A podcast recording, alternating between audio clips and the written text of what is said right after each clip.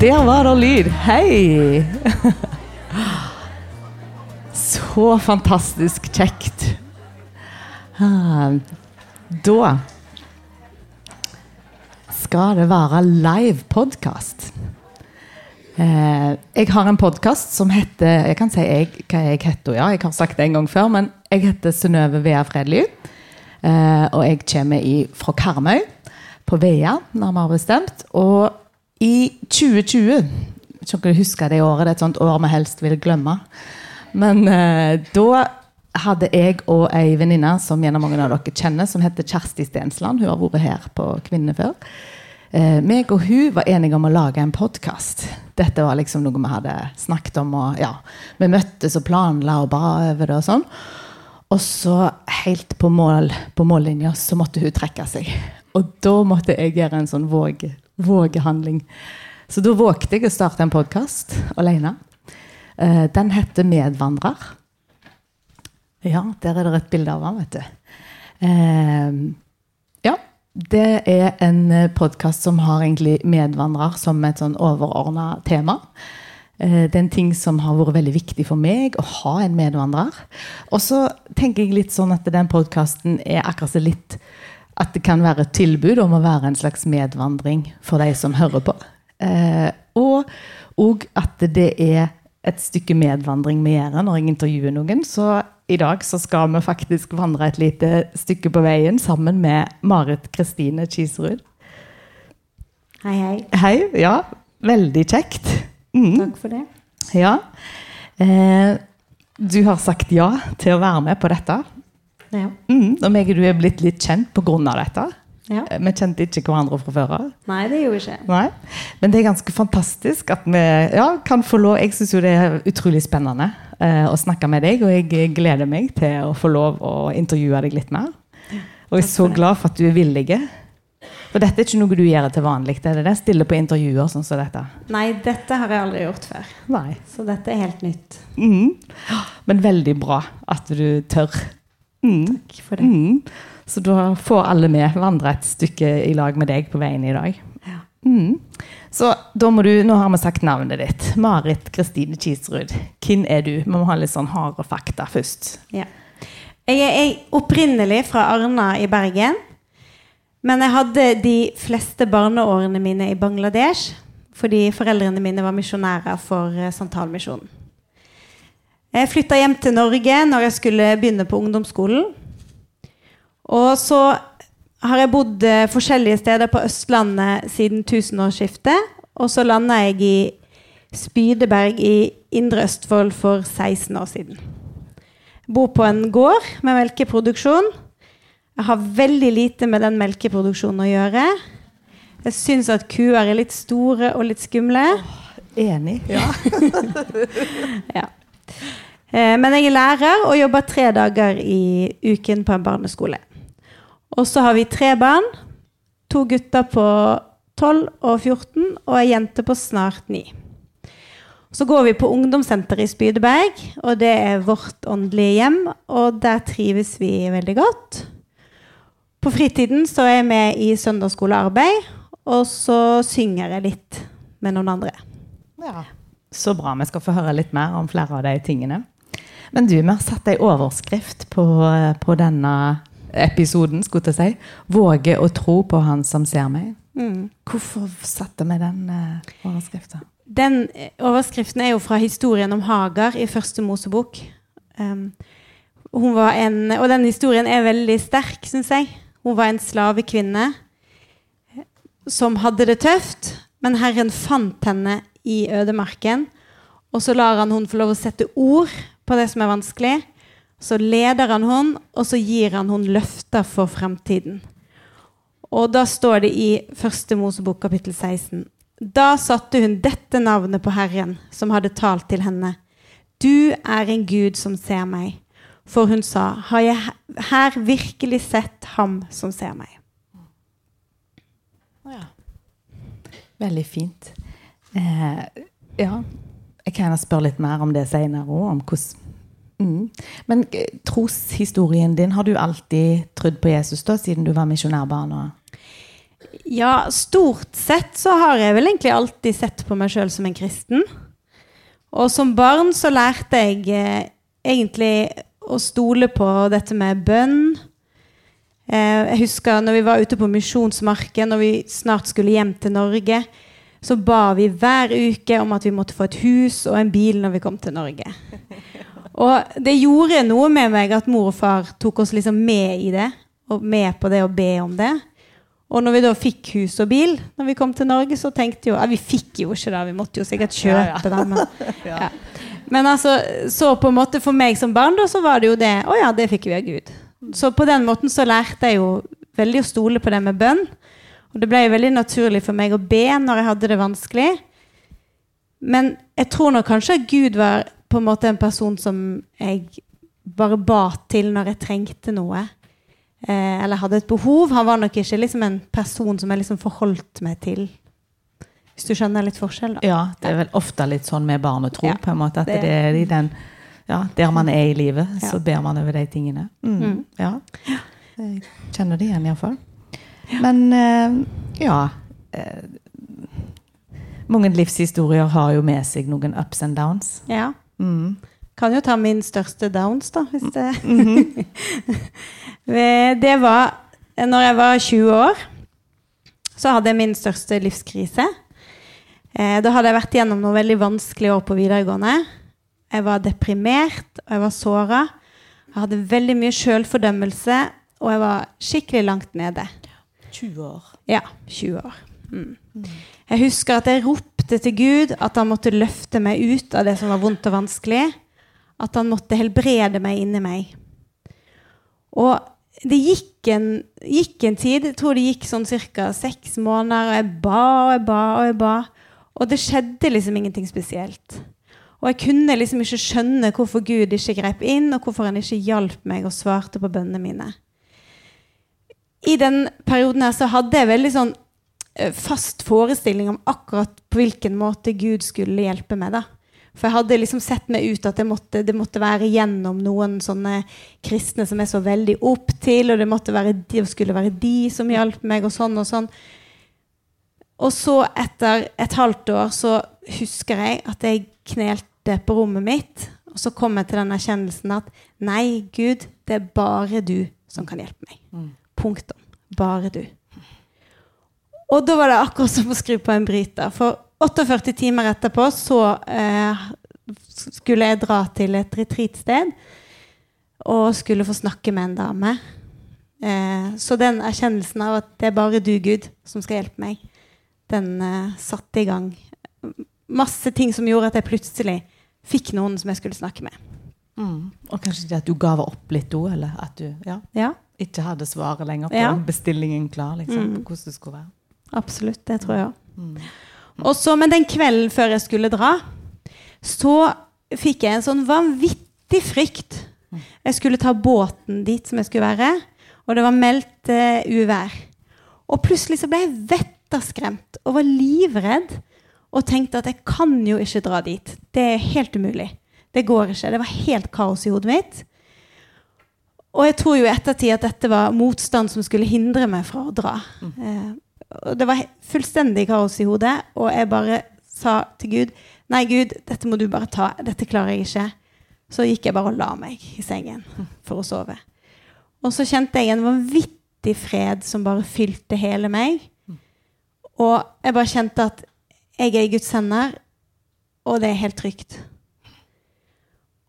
Og når jeg kom fram til dette retreatstedet dagen etterpå, så sier disse damene som jobber der, at Oi, gikk det bra på båten? De hadde jo aldri sett så mye bølger og storm som det var.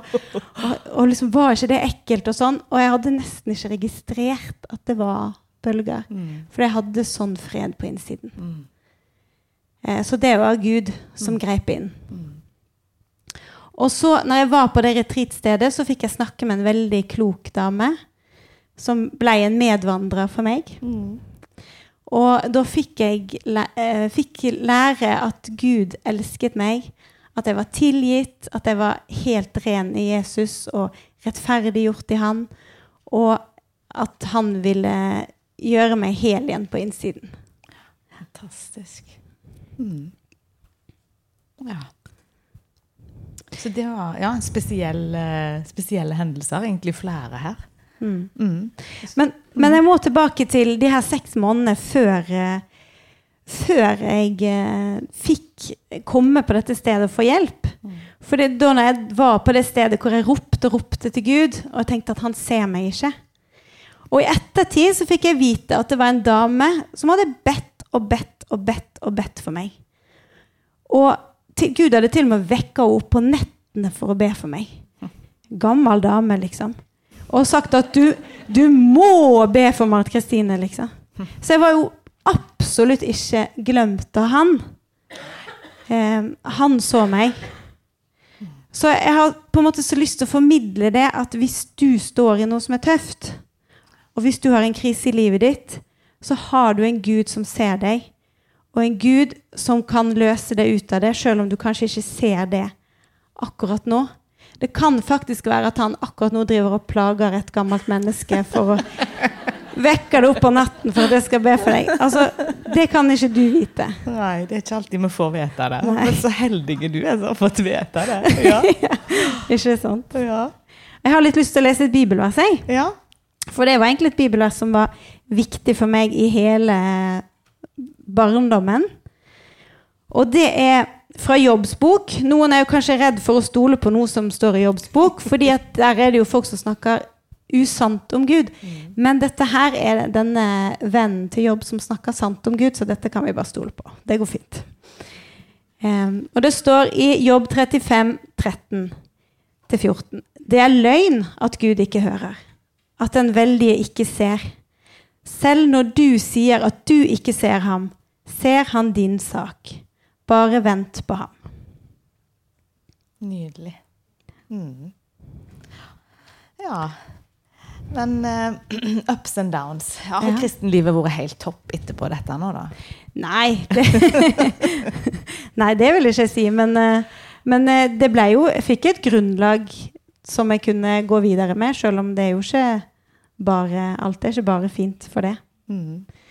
Men jeg, jeg fikk et sånt veldig sterkt ønske om å bli bedre kjent med Gud da, Mm. etter dette her. Nydelig. Um, så derfor så begynte jeg på en disippeltreningsskole Mm. med Ungdom i oppdrag. Og det var egentlig bare fordi at de har slagord 'Å kjenne Gud og gjøre ham kjent'. Så det var egentlig bare pga. slagordet. jeg var ikke så veldig opptatt av å gjøre Gud kjent, men jeg hadde lyst til å kjenne Gud, så da Ja. tok jeg den. Ja, fantastisk. Hvor henne var du da? Da var jeg eh, i Skien. Ja. jeg. Mm. Mm. Ja. Og jeg lærte jo mye. Jeg var der i to, to år. var jeg der.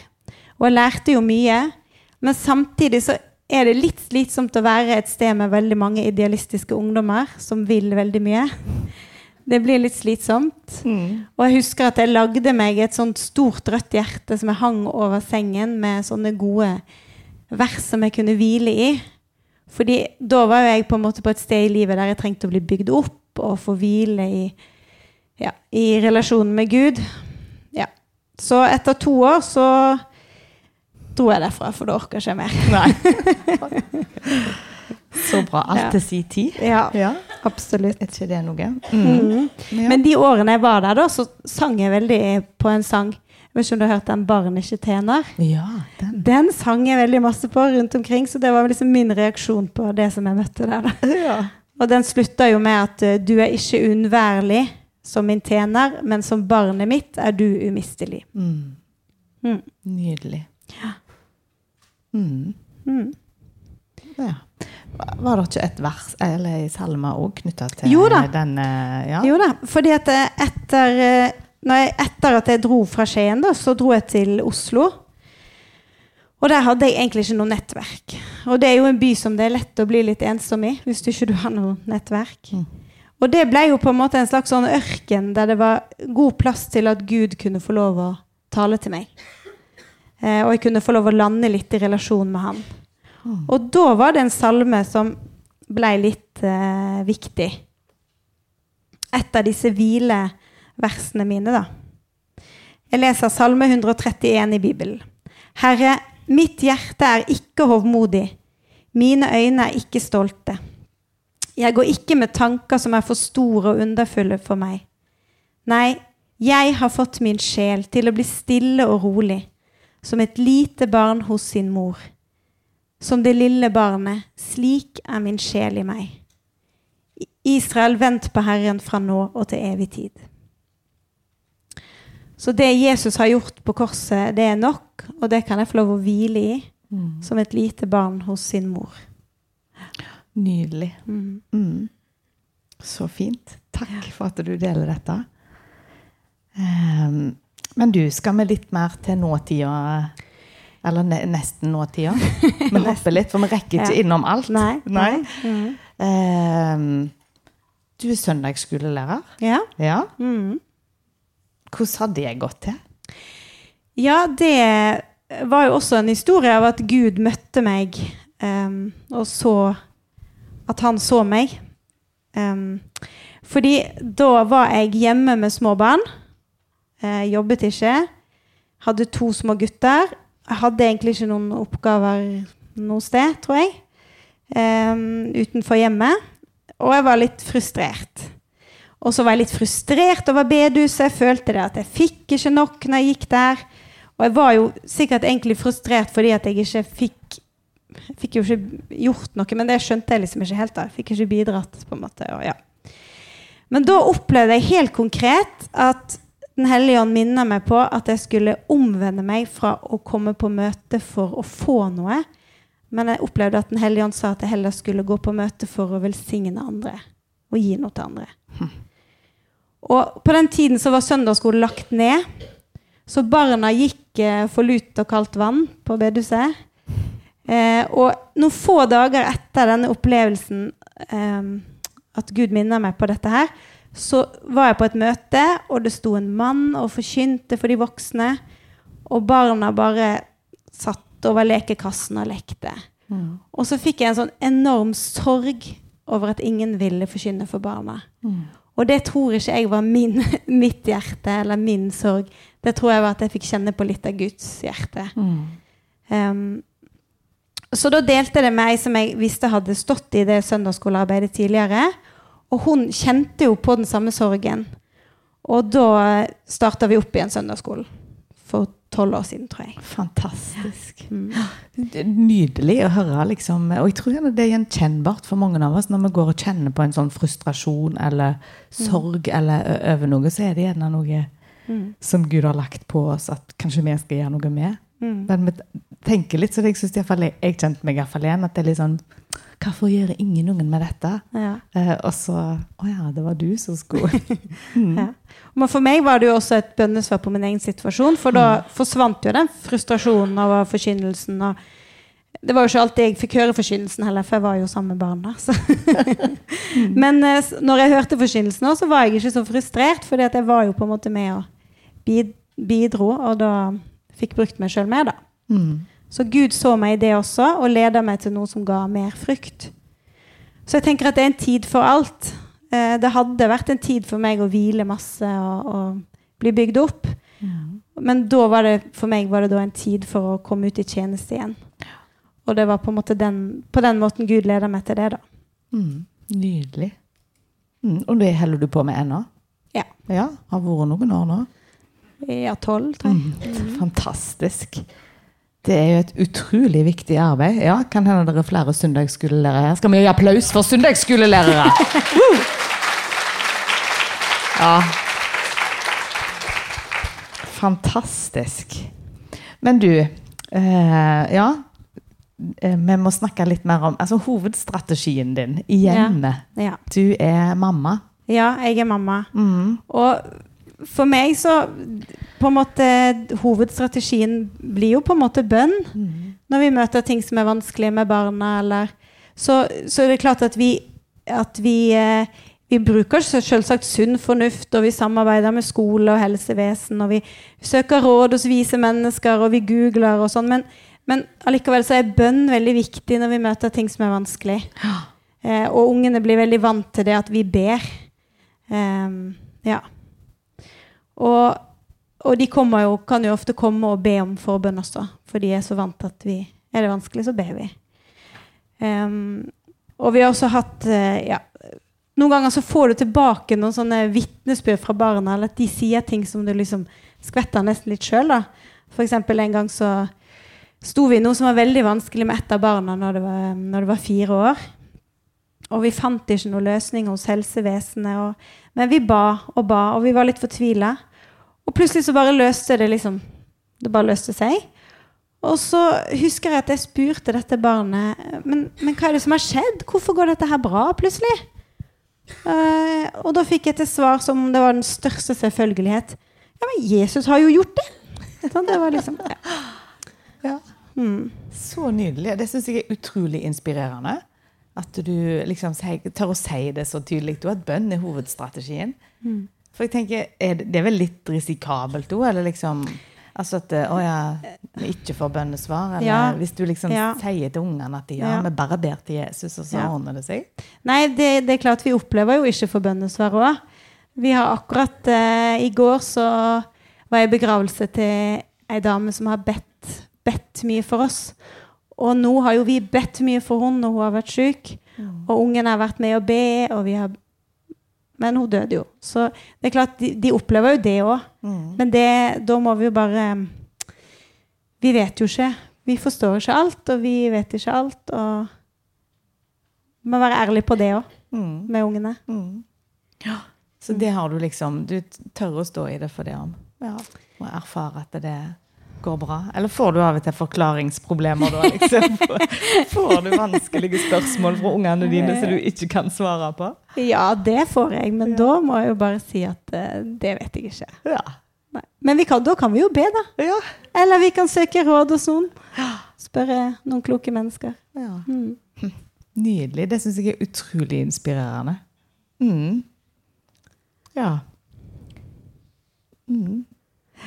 Mm. Har du opplevd eh, bønnesvar, skulle jeg si? Eh, ja, det har jeg jo fortalt litt om eh, Mm. mm, i dag. Mm. Eh, så det har jeg flere ganger. Mm. Mm. Ja. Mm. Mm. Ok. Um, skal vi snakke litt mer om det med hager, da? Ja. Eller eh, Ja. Mm. Mm. Hun eh, opplevde seg sett eh, av Gud. Mm. Hvorfor er det du på en måte kjenner at den historien taler til deg? Nei, men det Ja. Du har jo sagt det Ja. egentlig litt hele veien, men eh, ja. Ja. jeg bare Nei, men det er jo på en måte noe med det at Gud er så stor. Og så Og så Haga har jo vært litt sånn eh, frekk mot, eh, mot Sara, da. Ja. Og så er jeg på en måte kanskje litt skyld i noe sjøl. Ikke skyld i alt sjøl som har skjedd med henne, kanskje, men noe av det er jo, har hun på en måte vært litt skyld i sjøl. Men allikevel så møter Gud henne. Mm. Um, ja. For hun hørte jo ikke til, egentlig, liksom. nei, hun gjorde ikke det. Mm. Men Gud møtte henne, og det, det syns jeg er så sterkt. Og, og det tenker jeg det vil han gjøre med alle oss òg. Han vil møte oss. Han vil eh.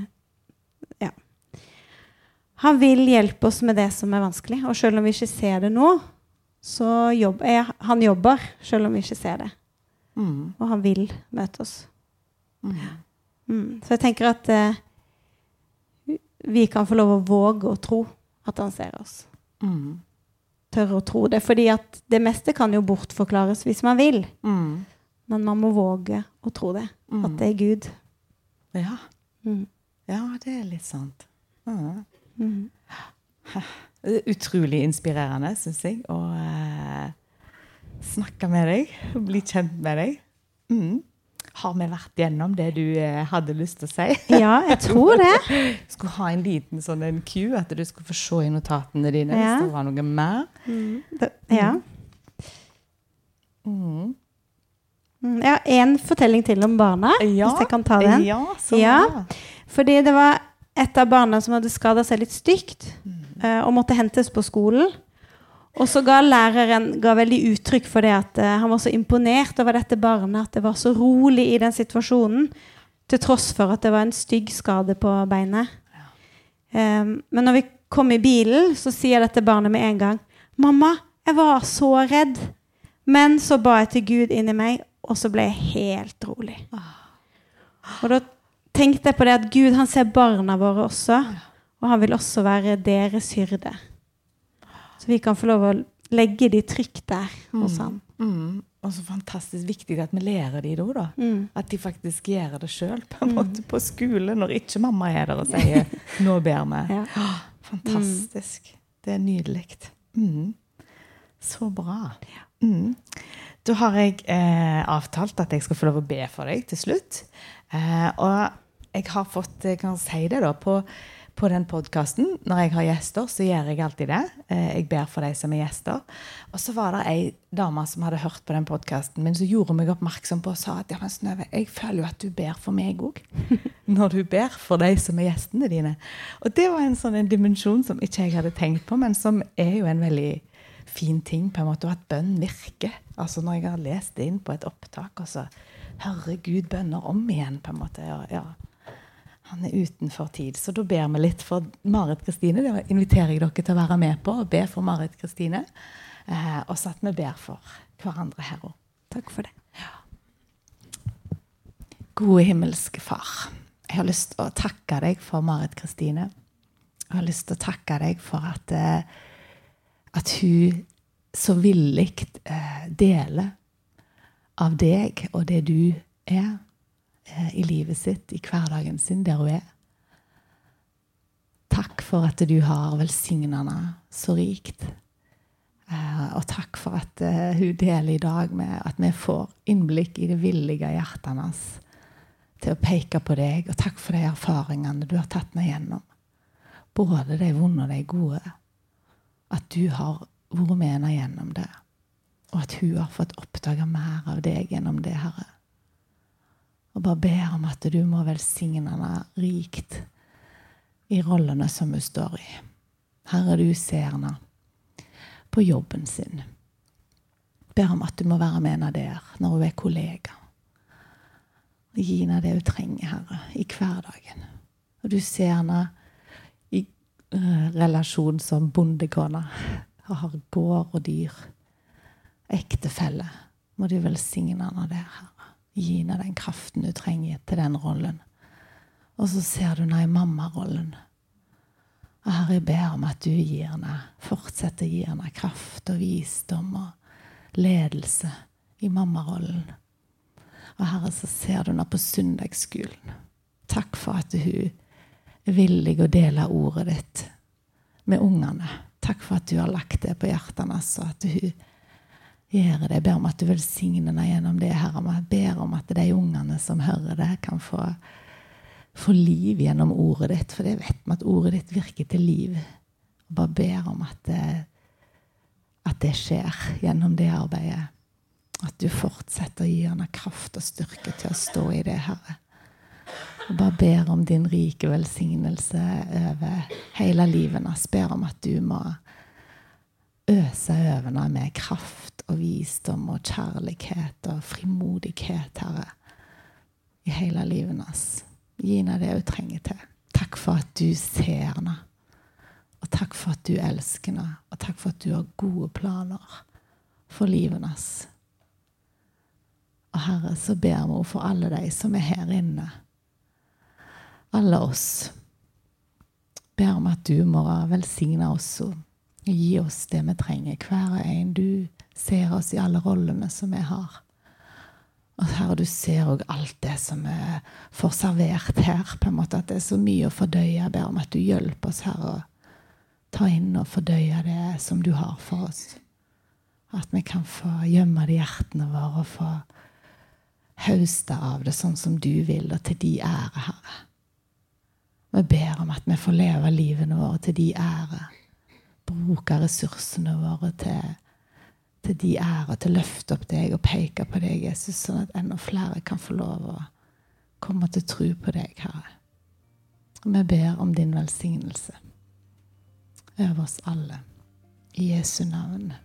Amen. Ja, tusen takk. Ja, en god applaus til Marit Kristine. Mm.